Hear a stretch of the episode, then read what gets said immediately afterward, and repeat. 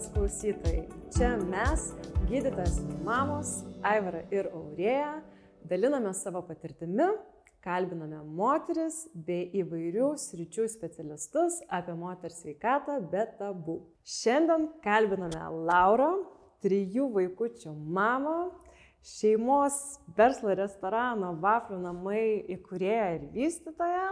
Tai labai džiaugiamės, kad galime šiandien su tim pabendrauti. Ačiū merginos, man irgi labai smagu, kad pagaliau susitikome gyvai. Taigi šiandienos tema e, - gimdymas Cezario pjūvio operacijos būdu. E, gimdo moterys Cezario pjūvio operacijos būdu Lietuvoje net apie 20 procentų atvejų. O kitos gimdo per makštį, taip vadinamais natūraliais gimdymo takais. Įdomu, kad Lietuvoje, nors ir gimdymas Cezario pjūvio operacijos būdu yra e, taikytinas tik pagal įvairias medicinės indikacijas, tačiau visuomenėje vis tiek pasigirs tokių, kad, ai, tai tau Cezaris, tai ne pati pagimdėjai, ne? Nepavyko. Ne, nepavyko kažkas, ne, aha, nepavyko. Taigi, o moteris nieščios, gimdančioms joms tikrai įdomu, kas ten vyksta, kaip vyksta ir kodėl. Tai labai džiaugiamės, kad tu šiandien sutikai su mumis pasidalinti savo patirtimi ir galime apie tai pasikalbėti. Man irgi labai smagu, nes iš tikrųjų pagalvojau, kad niekada atvirai savo istorijos ir neįprasminau žodžiuose, labai buvo daug apie tai rašyta, pasidalinta su moterim, būt labai dėkinga jums esu už tai, kad galiu pasidalinti tą istoriją ir galbūt kažkokiam savo žiniom, patirtim padėti kitom, kurios eina tuo keliu ar ne, nes jeigu būna vienas cezaris dėl kažkokių patologinių pakitimų, nu, tai greičiausiai jisai gali būti ir antras, ir trečias, kaip nutiko ir man. Įdomiausia nuo pat pat pradžių, kaip jūs ir kada su vyru sugalvojate, kad laikas norim vaikų? Ar prisimeni? Galvojau apie tai ir, ir, ir, ir, ir kartais gyvenime būna tokie dalykai, kai mes su vyru sakom nerašytos taisyklės, ar ne? Kaip tu myli vyrą, tai tu supranti, kad tu privalai būti jam ištikomas, nes tu prisėmė atsakomybę kurti su juo ryšį. Taip mums ir buvo su vaikais. Kai mes susipažinome, mes abu labai aiškiai išreiškėme norą, kad kartu mes esame tam, kad sukurtume šeimą, turėtume vaikų ir užaugintume juos asmenybėmis. Tai nebuvo tokio susitarimo, kad e, išdaugaukim metus, ar ten būtinai turim susituokti, kai tie vaikai atsiras. Mano pats vyras yra iš trijų vaikų šeimos, aš esu vienturtė. Tai ir jis norėjo daug vaikų, nes nesuprato, kaip gali tų vaikų nebūti šeimoje, o aš irgi jų labai norėjau, nes man buvo labai liūna aukti vienai. Tai iš tikrųjų gal po metų draugystės aš ir pastojau, bet tai nebuvo kažkoks susitarimas, kad žinok, Šarūnai, aš jau dabar noriu arba laukiu. Dabar dirbam. Tai, dabar dirbam šituo klausimu. Viskas labai natūraliai atėjo, mes pajutėm, kad nu, tai yra tas partneris, su kuriuo aš noriu, kaip mes sakom, pasenti ir labai tikimės, kad tai bus. Ir realiai mes esam tikriausiai labai laimingi.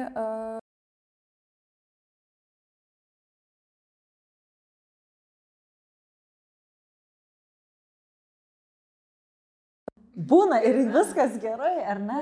Nes dabar iš tiesų ir mes nemažai kalbame apie vaisingumo problemas, bet būna, kad viskas ir laimingai ir greitai. Taip, tai vat, mūsų atvejis buvo būtent toks, kad um, tie vaikai, kaip aš sakau, pasirinko tikrai labai gražų laiką ateiti kiekvienas iš jų, nors jie ir gimė uh, pailiui kas metus ir 11 mėnesių, kas galbūt iš šono gali atrodyti intensyvu.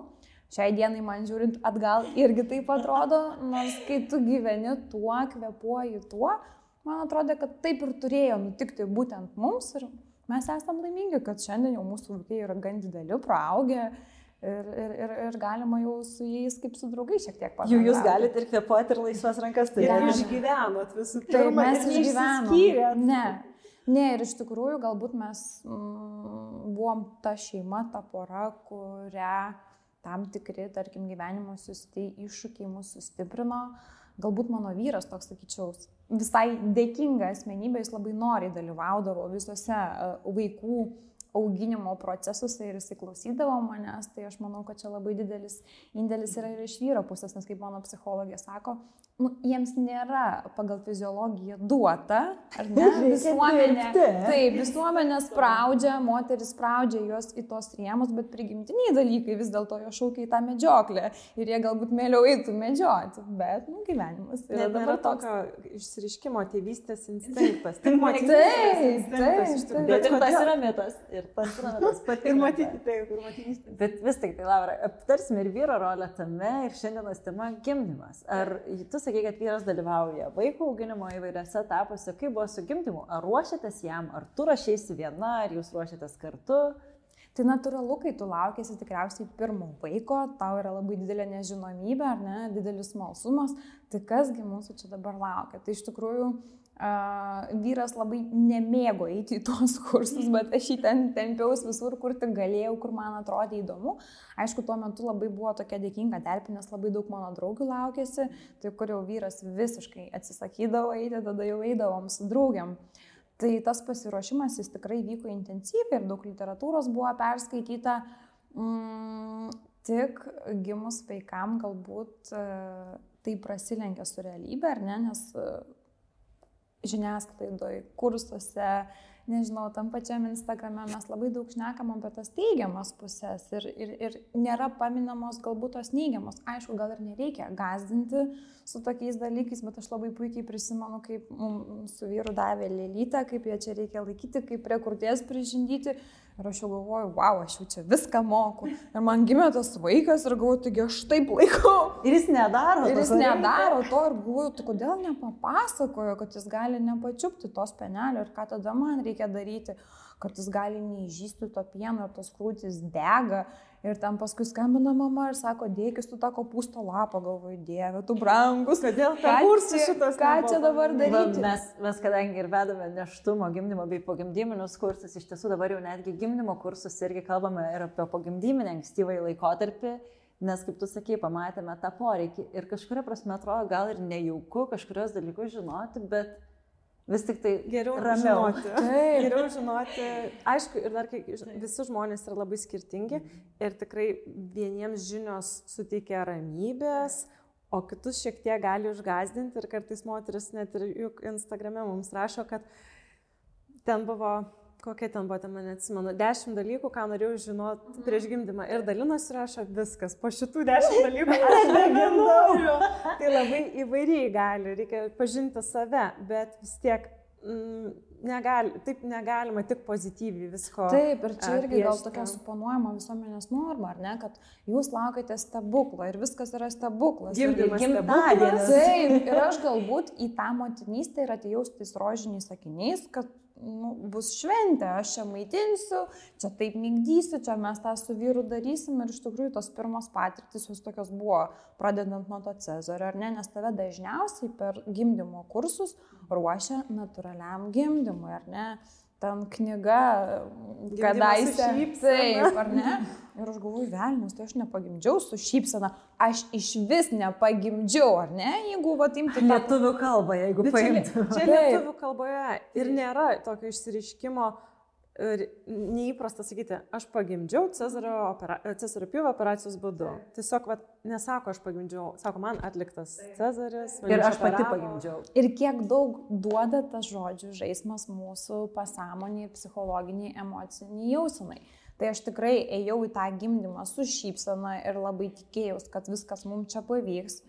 Ir kai tu guli šešias valandas ir tavo gimdos kaklelis visiškai nesiveria, Ir tu jau supranti, kad kažkas tikriausiai čia ne taip, ar ne? Ir jau man buvo toks kertinis akmuo, gal kai ten toks samišis, ten gydytojai atbėga, išbėga sesutės ir ateina jau skyriaus vedėjas vyras. Ir galvoju, nu tai įdomu, kas čia dabar bus. Ir man tiesiog jis tą kaklelį su ranka plešia. Ir tai galvoti tai buvo pats bjauriausias, šlikščiausias jausmas mano gyvenime, kur man niekas nepapasakojo, kad aš šito galiu tikėtis. Tai aš buvau šokė, vyras buvo išvarytas iš palatos, aš iš vis nesuprantu, kas su manim vyksta, ką su manim daro. Nu, toks jautiesi kaip marionetė, aišku, tu pasitikė gydytojais, nes tu supranti, kad tu esi... Tau skauda.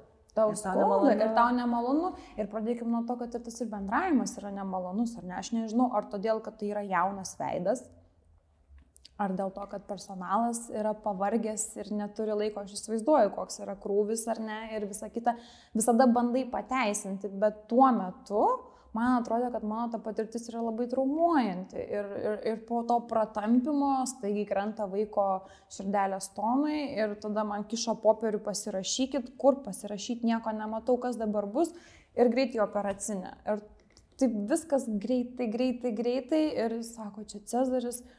Ir man, kaip sakau, smegenys matyti yra linkusios užblokuoti tam tikrus blogus tos kažkokius prisiminimus ir patirtis ir aš galvoju, nebelabai aš jau ten kaip ir viską prisimenu. Atsimenu, kad išvežė, kaip ten paskui vyko, atsimenu tokius jau protarpius, kad sakau, jau man vaiką Tai gražinti. tau gimdymas prasidėjo pačiai, dar namuose, ar ne? Ne, iš tikrųjų mes nuvažiavom į patikrą. Uh, tai buvo rūpiučio 14 diena 2015 metų, o 2015 metų 15 dieną mes ruošiamės eiti draugų vestuvės. Ir aš nuvažiavau profilaktiškai pas gydytoją pasirodyti, ar viskas gerai, ar aš galiu į tas vestuvės, žodžiu, keliauti.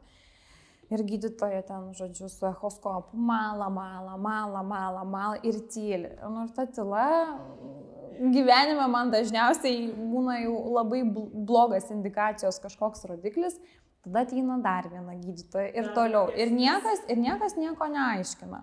Aš aišku, irgi galbūt esu linkusi palaukti, kol gydytojas pats prabyla, nes nežinau, aš jam čia trukdau, netrukdau, nu žodžiu, stebiu situaciją iš šono. Tada ateina dar vienas gydytojas, nu ir jie ten visi mala, mala, mala, mala ir galiausiai sako, eikit pasimkit daiktus iš automobilio ir keliaukit į gimdyklą. Ta prasme, ir niekas net nepaaiškina, kas nutiko, kodėl, kaip, nu paskui ten aišku prabėgom jau, kol tu eini į gimdyklą, tau pasako, kad nu, nėra vandenų, o kas yra likę, tai yra jau labai labai žali pasenę vandenis ir kad nu, reikia pradėti skatinti gydimą. Tai va, taip, taip, taip va, viskas netikėtai ir prasidėjo. Nebuvot taip pasiruošę, grinai važiavot kaip profilaktinė. Taip, mes važiavom su šypsena, kad dar, dar turim šiek tiek Dar į laiko. vestuvės Taip, taip, taip, net nebuvo minties, pirmą reikėjo atšokti draugų vestuvės, o paskui jau buvo, buvo galima gimdyti. Ir, ir ar daug laiko praėjo nuo atvykimo į gimdyklą iki pačio išvežimo į operacinę? Mes atvykome penktadienį anksti ryte, tai taip, jau bijau sumeluoti, nu, bet maždaug ten kokią 90, o Deimėlė gimė 21.56. Nu tai realiai tokia visa, visa... Diena sužadinimui, skatinimui ir prasidėjo sąrėmiai ir skausmai, taip. Vis, viskas, viskas beveik ėjo link Tai natūralaus turbūt, kaip gimdymo. pagal vadovėlį praėjai daug, daugybę punktelių ir tų etapų, kurie gali įvykti gimdymo metu. Ir skatinimas, epidūras. Ne, epidūro man neprireikė nei su vienu vaiku, tai va šito, šito neteko patirti. O kaip prisimeni, kaip tu sakai, šiek tiek ir per miglą viskas ten operacinėje, bet tu uh, nemiegoji, ar ne? Taip, taip, Tai- taip, tai- vyksta dalinė. Kaip jautėsi per pačią operaciją, ar pameni kūno pojūčius, ar kažką galvoji? Su pirmu Cezariu nelabai pamenu, nes matyti organizmui tikrai buvo didelis šokas, nes vis dėlto tai ir pirmas gimdymas, tu nežinai, ko tikėtis, savo pasąmoniai tu tikėjais visiškai kitokio scenarijaus ir tai vyksta, atrodo, kaip filmas, ar ne, kad tu stebi. Tai kai aš vat, prisimenu savo antrą, antrą Cezarį, tai aš jau tikrai labai gerai pamenu, kaip aš gulėjau, kaip mane pykino, kaip paprašiau vaistų, tu jau į tą visą situaciją šiek tiek gebi racionaliau pažvelgti, bet tas pirmas buvo, tai man tiesiog ir buvo jau vakaras, aš jau buvau išvargusi. Tai toks atrodo tikrai labai sunku Kosmosas išėjus e, iš savęs, aš galvoju dabar ir pati ta operacinė, žinai, kad ir kokia be būtų operacinė, nesvarbu, kurioje ligoninėje, tarkim, man dar būtų visai įprasta, kaip ten atrodo sienos, lubos, aparatūra. Toksai, nu, kaip ir žinai, bet jeigu tu net nebuvęs dar esi operaciniai, tai taip netikėtai, kai tave ten įveža, tai dar Taip, labiau gali Tas išmušti iš adrenalinas užkyla, tik aš labai pamenu, kad labai bijojau e, tos spinalinės nejautros, nes buvau ten pasiskaičius, kaip ten nepataiko žodžiu, ten paskui kokie reiškiniai. Tai va tą labai gerai prisimenu, kaip sako, susirieskite tą kamoliuką ir aš galvoju, kad tik pataikytų, kad tik pataikytų. O šiaip Pataikė. Pataikė. O operacijos metu jautėjai traukimą, ar kad kažką daro Tai gydytojai? va, tai va, man šitas dalykas buvo toks, kad e, nei pirmos, nei antros operacijos aš to nejaučiau ir aš galvoju, nieki aš niekada nepajausiu, kaip draugės pasakojo, kaip pačios, ar ne, nu, gimdo nat natūraliais gimdymo takais tą išslydimo momentą. Ir aš galvoju, nu, vad ne. Ir kai vat, buvo trečias Cezaris, kuris jau buvo visiškai, kaip aš sakau, tokių adekvačių šaltų protų, kai aš jau žinojau, kas manęs laukia, nes aš jau parą prieš buvau ligoninį, išsimiegojau, nuėjau savom kojom. Ir tada aš pirmą kartą pajaučiau, kaip gydytoja laiko tas rankas ir tas lėliukas, jisai iš, iš, iš, man tas trečias buvo toks kaip pirmas, nes jis buvo visiškai kitoks, nes aš pajaučiau. Ir jis buvo planinis. Taip, trečias, trečias ir, buvo. ir labai planinis. įdomu, kad visos trys Cezario pjūvio operacijos ir tu gali skirtingai jaustis jų metu. Tai mes. Mes dažnai, kaip kalbame ir per gimdymo, tarkim, savo kursus ir apie natūralų gimdymą, kiekviena moteris ir kiekvienas tos pačios moteris gimdymas, na, jis skirtingas. Lygiai taip pat yra ir su Cezario pjūvio operacija. Tai labai įdomu, kad e, kaip tu jautėsi, ne, ruošysi vienam scenariui, kaip sakai, gavosi visiškai netikėtas, nepilnai paaiškintas, kodėl, kaip kas įvyko labai greitai. Kaip tu jautėsi, kad visgi teko gimdyti Cezario pjūvio operacijos būdu? Tiek psichologiškai, tiek fiziškai. Mm, Kaip aš jau minėjau prieš mūsų podcastą, ar ne, labai daug tikriausiai mūsų gyvenime situacijų suvokimo ateina nuo mūsų auklėjimo. ar Ne? Ir aš buvau auklėta tokiai mm, gan griežtoj sisteminiai šeimoje, kur uh, tu turi priimti situaciją tokia, kokia jinai yra. ar Ne? Ir galbūt tas jausmų paleidimas, išreiškimas jis nebuvo įprastas, ką tu ir atsineši gyvenimą. Tai, tai ir mano tas toks buvo jausmas, kad štai aš turiu naują gyvybę, už kurią aš esu atsakinga. Ir dabar jau aš turiu ją rūpintis. Viskas. O mano kažkokia ar ne, savijauta, gyjimas, ne. Aš dar labai puikiai prisimenu, kaip antakalnio mm, ligoniniai aš einu, nu tikrai, ta prasme, aš jau skausmo esu pakanti, bet tu nežinai, kur yra tavo riba, kiek tu gali skubėti, kiek tu... Ir man seselė, greičiau, greičiau, greičiau, neapsimetam. Ir aš galvoju, ta prasme, ir aš labai jautriai reaguoju į tokias replikas ir tada jau jaučiu, kaip per negaliu tu bandai eiti. Ir, ir ar ne, medicinė sistema vietoj to, kad tau pasakytų gražiai prie, žinokit, ponia, panelė, jūs galite galbūt greičiau judėti, jums bus galbūt tada lengvesnis gyjimas, taip, nes aš nežinau, kaip man elgtis. O ką aš gaunu, mane apšaukia ir dar pavadina kažkokia ar neapsimetėlė melagė, kad jūs čia neapsimetinėkit. Taip, gal aš ir galiu iš tikrųjų eiti greičiau, bet aš nežinau tos savo ribos. Aš nežinau, mane vakar susiuvo ir mane šiandien jau stato ant Taip, tu kojų. nežinai, ar tau galima ar negalima, ką Taip. tau reaguoti, ką tu turi jausti. Tai Ir dėl to, niekas kaip neaiškina. tu sakai, niekas Man tokiem tai visada dalykam Labai neruošia. liūdna, aš jautri reaguoju, kaip o, iš tikrųjų moteris pagrindė ir dalinasi būtent personalo komunikacija. Tai Taip. man taip visada, kaip gaila. Tai vad realiai kursai ir tai, ką jūs darot, tai yra labai didelis indėlis padėti moteriai suvokti, kas iš tikrųjų jos laukia. Nes kai tu patenki į tą aplinką, tada jau ten niekas tau nebeaiškina ir tavo protas jau truputį kitaip veikia. O jeigu... E, Mes abi gimdėm, aš jau irgi du kartus. Ir kalbant apie tą protą po gimdymo, tai man dar negryžo į ką ir šiandien ką pasakysiu. Dar tik šeši mėnesiai, tai dar nėra visiškai adekvatu, bet iš tiesų tas, tos pirmos Iškirpsim. dienos mes saurė irgi ir vakar aptarinėjom, ypatingai tos pirmos dienos, savaitės po gimdymo, kaip sakom, jau gimdymo tą akimirką, ar natūraliais tokiais gimdai, ar cezaripių operacijos būtų, yra bent akimirka, kai tu išeini, bet ir po to tos kelios savaitės ar net mėnesis įvairiai moteriams. Tikrai, tu esi biškai kažkur kitam pasaulyje savo. Tai logiška, kad ir kiekvieną tu priemi labai jautriai. Pastabą, kaip tu sakai, čia nesvarbu, koks tavo būdas, turbūt mes visos Taip, ir dar mes ir kursų dalyviams sakom, kad tikrai gimdymo metu negali visko suplanuoti ir tikrai yra daug stresinių situacijų, kurių metu gydytojai, personalas, akušeris nespėja visko ištransliuoti, papasakot. Ir tikrai būna situacijų, kai duodi pasirašyti ir tikrai čia Taip. parašai dėk ir lėkia. Nes jiems tai yra elementaru ir jie Bet nepagalvoja. ir kartais laiko nėra ir tiesiog mes irgi stengiamės nupasakoti tas situacijas, kur gali būti, bet kiekviena moteris turi žinoti savo teisę, kad jinai turi teisę paklausti. Netgi po gimdymo visada sakom, kas buvo neaišku, būtinai pasikvieskit gydytoją, akušerę, kuri dalyvavo jūsų gimdyme ir pasiklauskit, kas buvo neaišku, kodėl vakumą dėjo, kodėl buvo daug žmonių prie, tiesiog, kad neliktų Kodėl cesario pjūvio operacija, tarkim, atlikta, nes Iš- tai juk turi įtakos, kaip tu toliau įsi kitus. Bet nes tu esi Gimdymas. pirmą kartą gimdai išsigandęs, bijai Bet va viską. tas ir yra, kad pirmą kartą tu labai daug ko bijai, kažką pamiršti nuo adrenalino, nuo streso, nes, pavyzdžiui, kai aš gimdžiau trečią kartą, ar ne, ir mane bandė pastatyti po Cezario, nu, ryte man padarė operaciją ir man jau po pietų sako, prašom keltis, aš sakau, jūs nejokaukit, sakau, aš jaučiuosi blogai ir sakau, aš klausysiu savo organizmo. Ir aš tada jaučiausi jau labai drąsiai ir aš tai pasakiau galbūt šiek tiek griežtesnių tonų, nes su manim irgi nebendravo maloniai.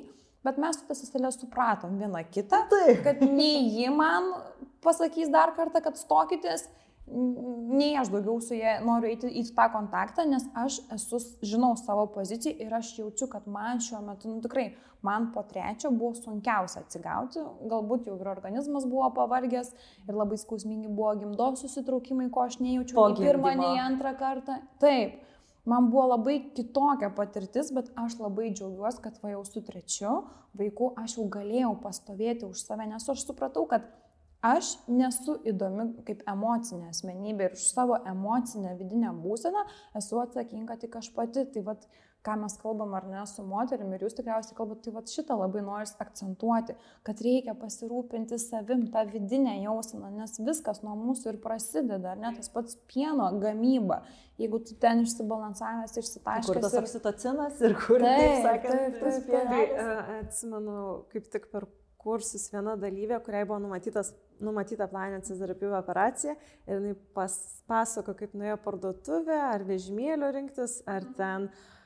Ir jinai pasakė, aš ieškojau žindimo pagalbės ir tada pasakė, atsimenu, pardavėjai pasakė, kad man planis Cezaris. Ir pardavėjas sako, planis Cezaris, tai jūs nežindysit parduotuviai tiesiog konsultantė, kad po Cezario, bet iš tikrųjų yra toks truputį uh, ir mitas ir visuomenės, kad po Cezario tai tikriausiai gali moteris ir nežindyti ar turėti labai didelių sunkumų. Mhm. Tai tu, pavyzdžiui, va, tavo pavyzdys, tavo istorija, kaip tau sekėsi apskritai, ar žindėjai, ar nežindėjai po cizdrapyvo operacijos? Aš žindžiau visus savo tris vaikus. Mm, man tai buvo siekėmybė, ne, kaip ir buvo siekėmybė pagimdyti tais natūraliais takais, taip ir tas žindimas buvo taip jau e, labai didelis noras ir siekėmybė. Tai labai džiaugiausi iš tikrųjų su pirma dukra aš turėjau labai daug pieno ir buvo galbūt sudėtingiau, nes jį nemokėjo paimti ir mes ten vargom vis, kol ten atitaikėm tą poziciją, nes vėlgi ligoninėje aš nesulaukiau jokios pagalbos, po to man reikėjo kviesti žinimo specialistai į namus, kad taisyklingai vaikas išmoktų žysti.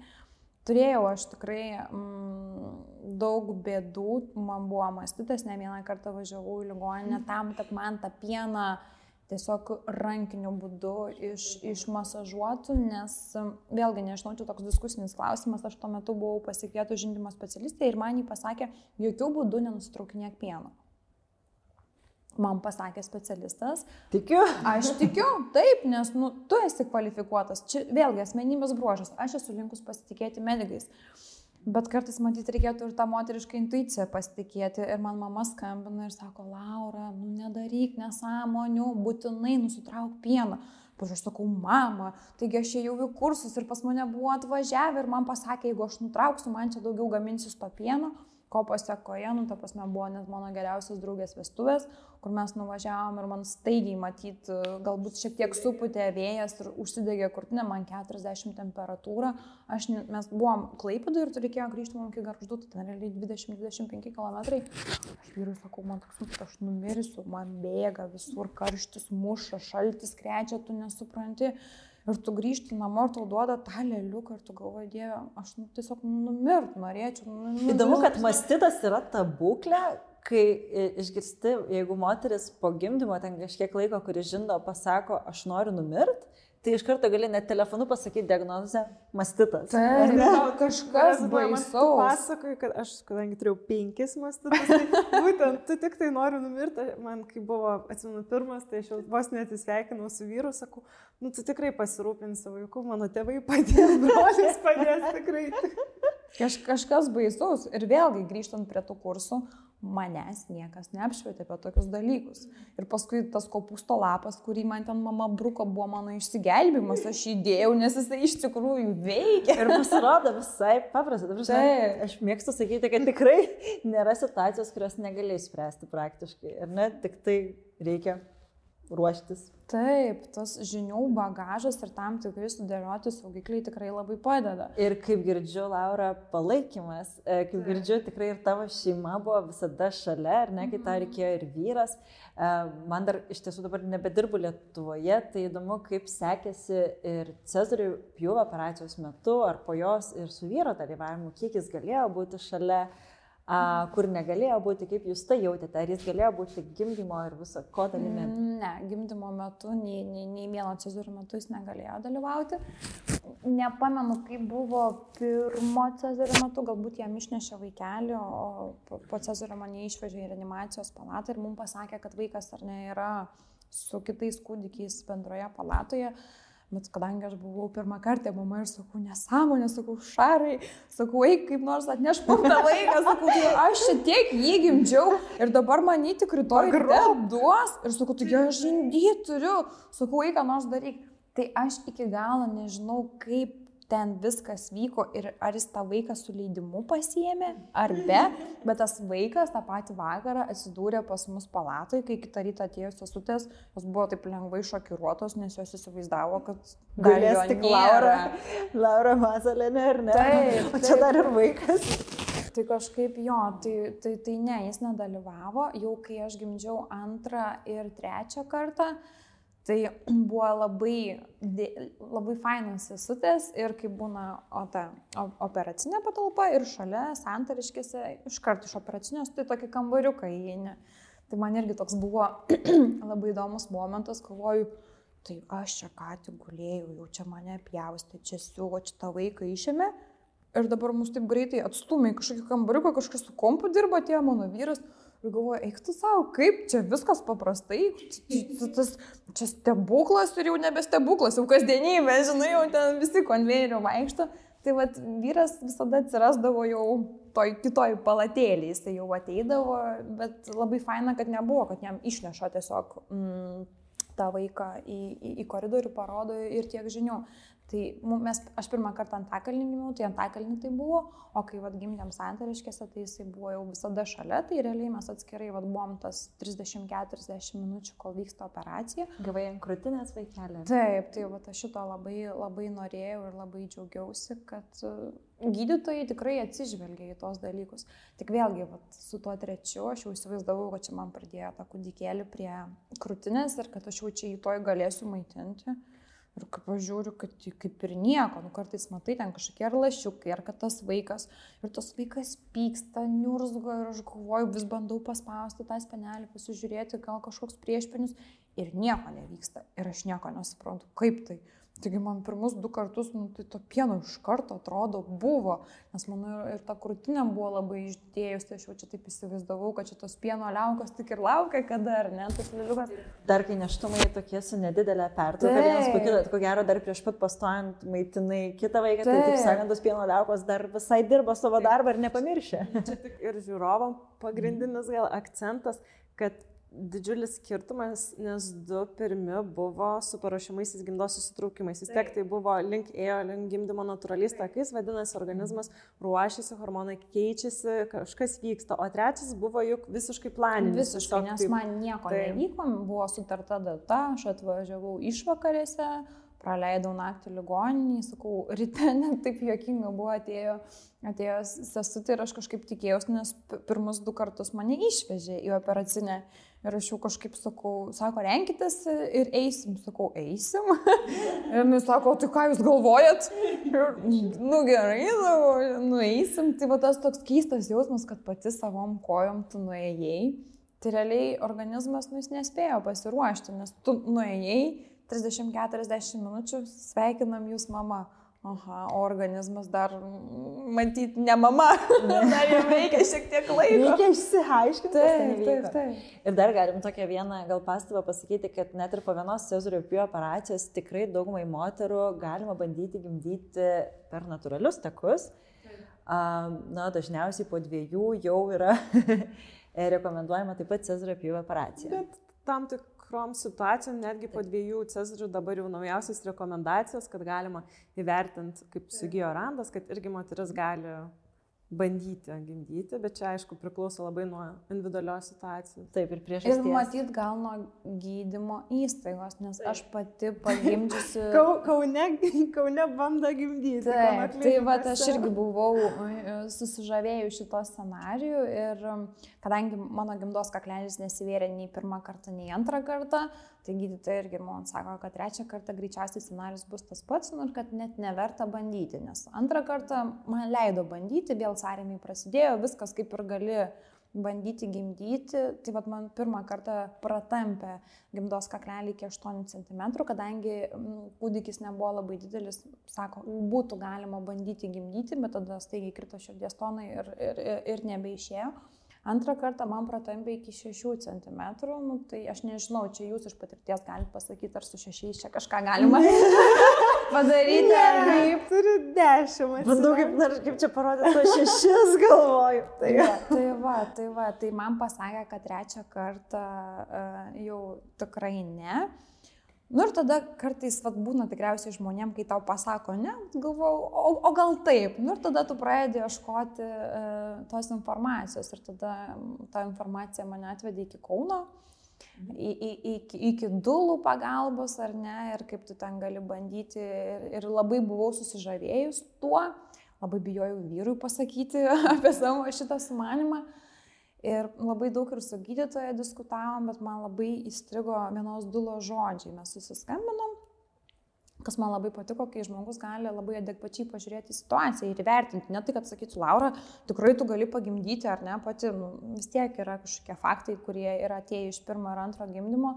Ir jis sako, o tu būsi laimingesnė, kad tu pagimdysi uh, natūraliais gimdymo takais. Sako, kas tau yra svarbu? Ar kad tu turėtum sveiką vaiką ir pati būtum sveika? Ar sako, patenkinti kažkokį savo vidinį smalsumą? Taip, tas vidinis smalsumas, aš ir dabar, nu, atrodo, nu, vad gyvenime kažkokios patirties tu nesi ar neturėjęs. Nu, vad kaip ten kažkas nori ant slidžių užlipti, toks, žinot, vidinis ar ne yra. Negalim visi, ko gero, patirti visų patirčių. Taip. Ir vad man jos tas klausimas labai surezonavo, kad aš noriu sveiko vaiko ir noriu pati tokia būti. Ir tada mane taip nuramino, kad tas mm, bandymas pagimdyti natūraliais gimdymo takais, nu, tai neturi būti mano siekiamybė.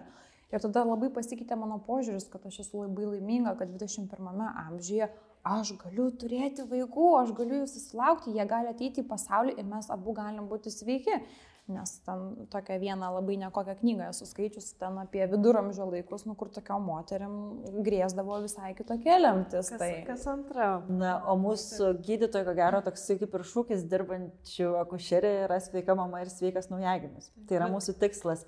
Tai čia, ko gero, norėtųsi paklausti, e, po tų operacijų tu irgi dabar iš tiesų akcentavai gal net labiau sveiką naujagimį, bet kaip tu pati, kaip sekėsi atsistatyti po cezario pjūvio operacijos ar operacijų? Mm Ir kaip jautiesi dabar? Ar yra kažkokių iššūkių gyvenime? Tai kiekvieną kartą tas atsistatymas buvo galbūt kitoks. Pirmą kartą toks buvo maksimalizmas, ar ne? Kad aš šiandien galiu savo leisti ilsėtis, kad aš dabar esu atsakinga už tą naują gyvybę, tai aš labai pamenu, kad aš save labai spaudžiau, ar ne? Gimė vaikas, jam reikia grino oro, vasara gražus nu, metas ir mes turime eiti pasivaikščioti, mes gyvenam netoli Vingio parko. Ir aš kaip šiandien dar prisimenu, aš stumiu tą vežimą per tą Vingio parką tiltą tai yra, kad įvažiuoti į Vingio parką. Ir aš vyrui sakau, žinok, man silpna ir taip sukasi galva ir tada ant manęs pyktelė, sako, tai kodėl tu eini, kodėl tu darai. Tai vad su to pirmu buvo toks maždaug viskas vaikui, o aš jau kažkur tarp eilučių. Tai kadangi paskui dar mūsų dėmeliukas gimė su įgimta katarakta ir labai greitai ten po trijų mėnesių mes vėl atsidūrėm ligoniniai ir buvo visai kitokios tos patirtis, Tai dar mažiau dėmesio savo. Dar mažiau dėmesio savo ir labai puikiai pamenu, kai priejo sesutė, nu, nes ten viskas apie vaiką, ten dėmelytas, dėmelytas, dėmelytas ir tai yra visiškai normalu, aš ten pati tik apie ją galvoju ir jinai priejo prie manęs sako, o kaip jūs jaučiatės? Ir tada man tos ašaros tiesiog pradėjo bėgti ir aš galvoju, velnas, aš jaučiuosi sugniuždyta. Tarsi, aš laukiau to rožinio stebuklo, jis neatėjo taip, kaip aš planavau, jis atėjo su kažkokia lyga ir mes dabar vietoj to, kad aš jį džiaugčiaus, auginčiau, maitinčiau taip, kaip aš ruošiaus, aš turiu visiškai kitokį scenarių Ir niekam nėra įdomu, nes yra vaikas. Ir man tas klausimas tai mane stipriai palėtė, kad va, nu, kiek man iš tikrųjų tai yra svarbu. Tik kai jau gimė Aurėja, antras mm, mūsų vaikas, aš jau visai kitaip žiūrėjau į situaciją. Aišku, bent jau vyrui šiek tiek buvo gal sunku priimti mane tokią trapesnę, nes kai tu pamatai pirmą pavyzdį, tau atrodo, kad, nu, taigi tu viską ėjai, darėjai, gyvenai ir dar mes ten ir ligoninės važiavom ir tu čia labai greit atsistatėjai. Bet ir fiziškai tu atrodai, na, tarsi sveikas žmogus, žinai, nieks neįsužalota čia veidė, darubų susideda, tai iš viso lyg nieko ten ir nebebuvo, o iš tiesų kaip tavo organizmas. Ir dar tada, žinai, niekas nešnekėjo nei apie tos baby blues, nei apie kažkokias depresijas. Dabar mes turim tokius pavyzdžius, kurie yra sukrečiantis. Bet tuo metu tai tokia kaip būdavo mm, stigma, kad tu negali apie tai kalbėti, nes tarsi tu priemi į tą gyvenimo sprendimą susilaukti vaiko, kaip tu gali skūstis, kad tai tau kažkas... Tai kančia. Taip, aš netgi prisimenu tokį jausmą, kad mes, kai su Dėmilio likdavom dviese, toks man irgi būdavo labai baisus, galbūt tas jausmas, jinai žiūri mane, baby Bjornu tame gultuke, aš į ją žiūriu ir nusisuku, kodėl tu mane žiūri? Toks net pagaudavai, kad aš nežinau. Kodėl tu mane žiūri, tokia net kažkokia baimė. Ja, tas toks keistas, kai tu esi vienas su to naujagimi namie. Ir dar jisai taip dar žiūri. kad jis čia, o jis buvo čia ir toksai. Taip, tu visiškai. Ir aš galvoju, kad kai žiūriu iš dabartinės perspektyvos, Aš galvoju, tikriausiai man ir tuo metu buvo arba tie baby blues, arba kažkokia depresija, kad nu nebuvo to tokio nei džiaugsmo, man buvo daugiau baimės, nesupratimo. Aš vad žiūrėdavau į tą vaiką ir galvodavau, kodėl aš bijau su tavim likti viena. Tai vad tas ir būdavo, kad per negaliu kažkur eidavai, darydavai ir visa kita. Tai vėlgi čia ir savivertės klausimai, ir aplinkos palaikymo klausimai. Jau kai gimė trečias vaikas, tai man buvo ta tokia ekstazė, kaip kartais moteris pasakojo, aš žiūriu jį ir įsimylėjau. Ir aš nesuprasdavau, kaip čia, taip, kaip taip čia. Būna. Taip, Va, ir aš kiekvieną gimė matulis ir aš fotkinu jį ir sakau, šarai, aš negaliu sustoti. Sakau, jis man toks gražus ir jis žiūri, sakau, kas tau daros. O aš grinai pasiemus tą telefoną ir va, va taip, nes atrodo, iš to kampo ir iš to, ir iš to, ir iš to. Ir nu, labai skirtingos patirtis, bet tiesiog aš pati labai greitai supratau, kad nu, tu pats turi savim rūpinti, save mylėti ir tą ištransliuoti aplinkai, nes jeigu tu viską užgneuži aplinkai, tai atrodo, kad... Ir tai- jie nemato, reikia, Taip. reikia išsakyti, čia va tas pirmas žingsnis. O čia gal dar pasakyti, man sunku, aš noriu į dušą. Taip. Iš, dabar tu atsakingas už visą namą, aš einu į dušą. Ačiū. Tai Laura, dabar ir Instagram'e, ir tarp draugių tikrai sunku, kurios turi pametinukus, tas net two under two, tai tavo būtų kaip ir pasiūlymas susilaukti trečią. ir tada jau ir rožinė matinystė ir nuotraukos, nes iš tikrųjų jau žmonės šiaip sunku two under two, o pas jis yra kas du metus Trys vaikai. Bet vat, jeigu taip jau tęsiant tą juoko temą, tai aš galvoju, kad gal reikia keturių susilaukti. Nes, žinot, kai būna tas trečias visada, ar ne? Vis laik kažkas sueina tą kontaktą. Tai dvi mergaitės žaidžia, tai aurėja žaidžia su matoliu dėmelė, lieka už borto. Ir jie patys sako, nu, mums dar reikia, kad būtų, nes vis tiek wow. tarp čia vyrų linkėjimus. Tarp kitko, vyras labai to ketvirto nori. Tai, sekančio pokalbio tema. Ir netgi, ir netgi mes turim pažįstamų, kurie turi keturis vaikus ir sako, žinokit, didžiausias lengvumas ateina, kai gimsta ketvirtas. Ir mes taip iš pradžių taip klausydavom. Bet kai tau e, ne viena pora taip paantrina, tada pradedi galvoti, hm, nu gal iš tikrųjų. Wow, gera tavęs klausyti ir tikrai e, labai labai smagu girdėti, kad nepaisant įvairių patirčių gali moteris gyventi laimingai, kaip tu sakai, visos jos mus augina, tada supranti ir išmoksti savimi pasirūpinti. Ir mes tave pasikvietėm su pagrindinė tokia mintim idėja, kaip moteris labai nori pagimdyti natūraliais takais, gaunasi kartais Cezaris ar ne, ir jos tiesiog neatsigauna ir metus, ir du, ir praranda mm, pasitikėjimą savimi, moteriškumą. Nebenori kito vaiko. Nebenori kito vaiko. Tikrai sunkiai priema tą, net išgirstas mumis dalinosi, kad pavadino kaip ten negimdanti moteris. Taip, ir aš šitą irgi esu girdėjusi. Ir kad vat, būtent tavo pavyzdys, tu toliau, kuris santykių šeimą, galvoti apie ketvirtą vaiką ir kad tai vertini tiesiog kaip patirtį ir džiaugiesi tuo. Tai norisi, ar gali pasakyti kažkokį patarimą būtent tom klausytojom, kurios labai norėjo pagimdyti pačios, natūraliais takais, pagimdė Cezario pjūvio operacijos būdu ir joms šiandien yra labai sunku primti save, kad nepavyko pagimdyti natūraliais takais. Tai galbūt tokie būtų du kertiniai dalykai, kas bent jau man padėjo šitam keliui. Tai pirmas, mm, žinojimas, kad tu esi ne viena. Nes kai aš pradėjau ieškoti tos informacijos, man labai reikėjo surasti žmogų, kuris yra panašioj situacijoje kaip aš. Ir surasti moterį, kuri yra su trim cezariais, nu nėra labai lengva, kuri dar būtų pasipasakojus, pasidalinus. Ir kažkaip tarp informacijos uh, man Austėja Landsberginė atkeliavo iki manęs.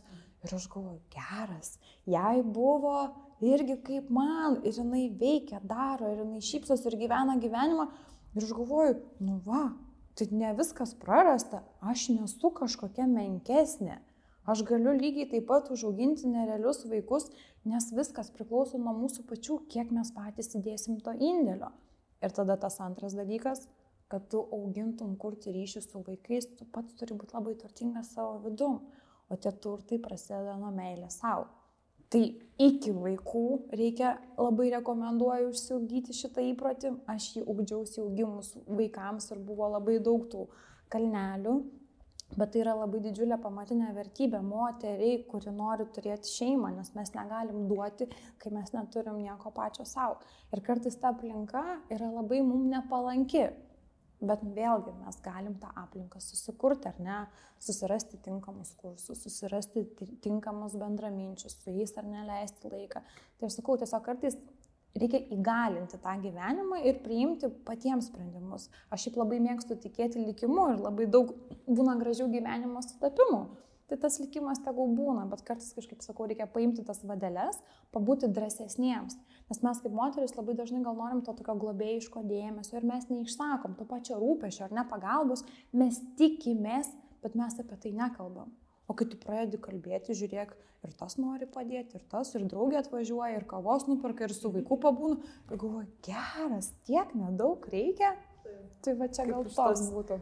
Taip, kaip iš tos istorijos, kur davė žmogui užduoti gauti penkis ne iš žmonių tiesiog gatvėje paprašyti. Neįmanoma surinkti. Taip. Tai bet viskas mūsų pasąmonė, mes labai dažnai susikūrėm scenarius, kurie realybėje net neegzistuoja.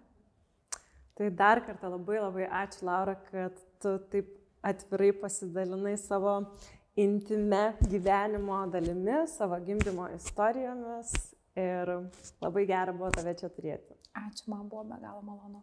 Primenu, kad šio pokalbio draugai Multimam. Multimam tai prekės maitinančiams mamoms bei moteriams po gimdymo.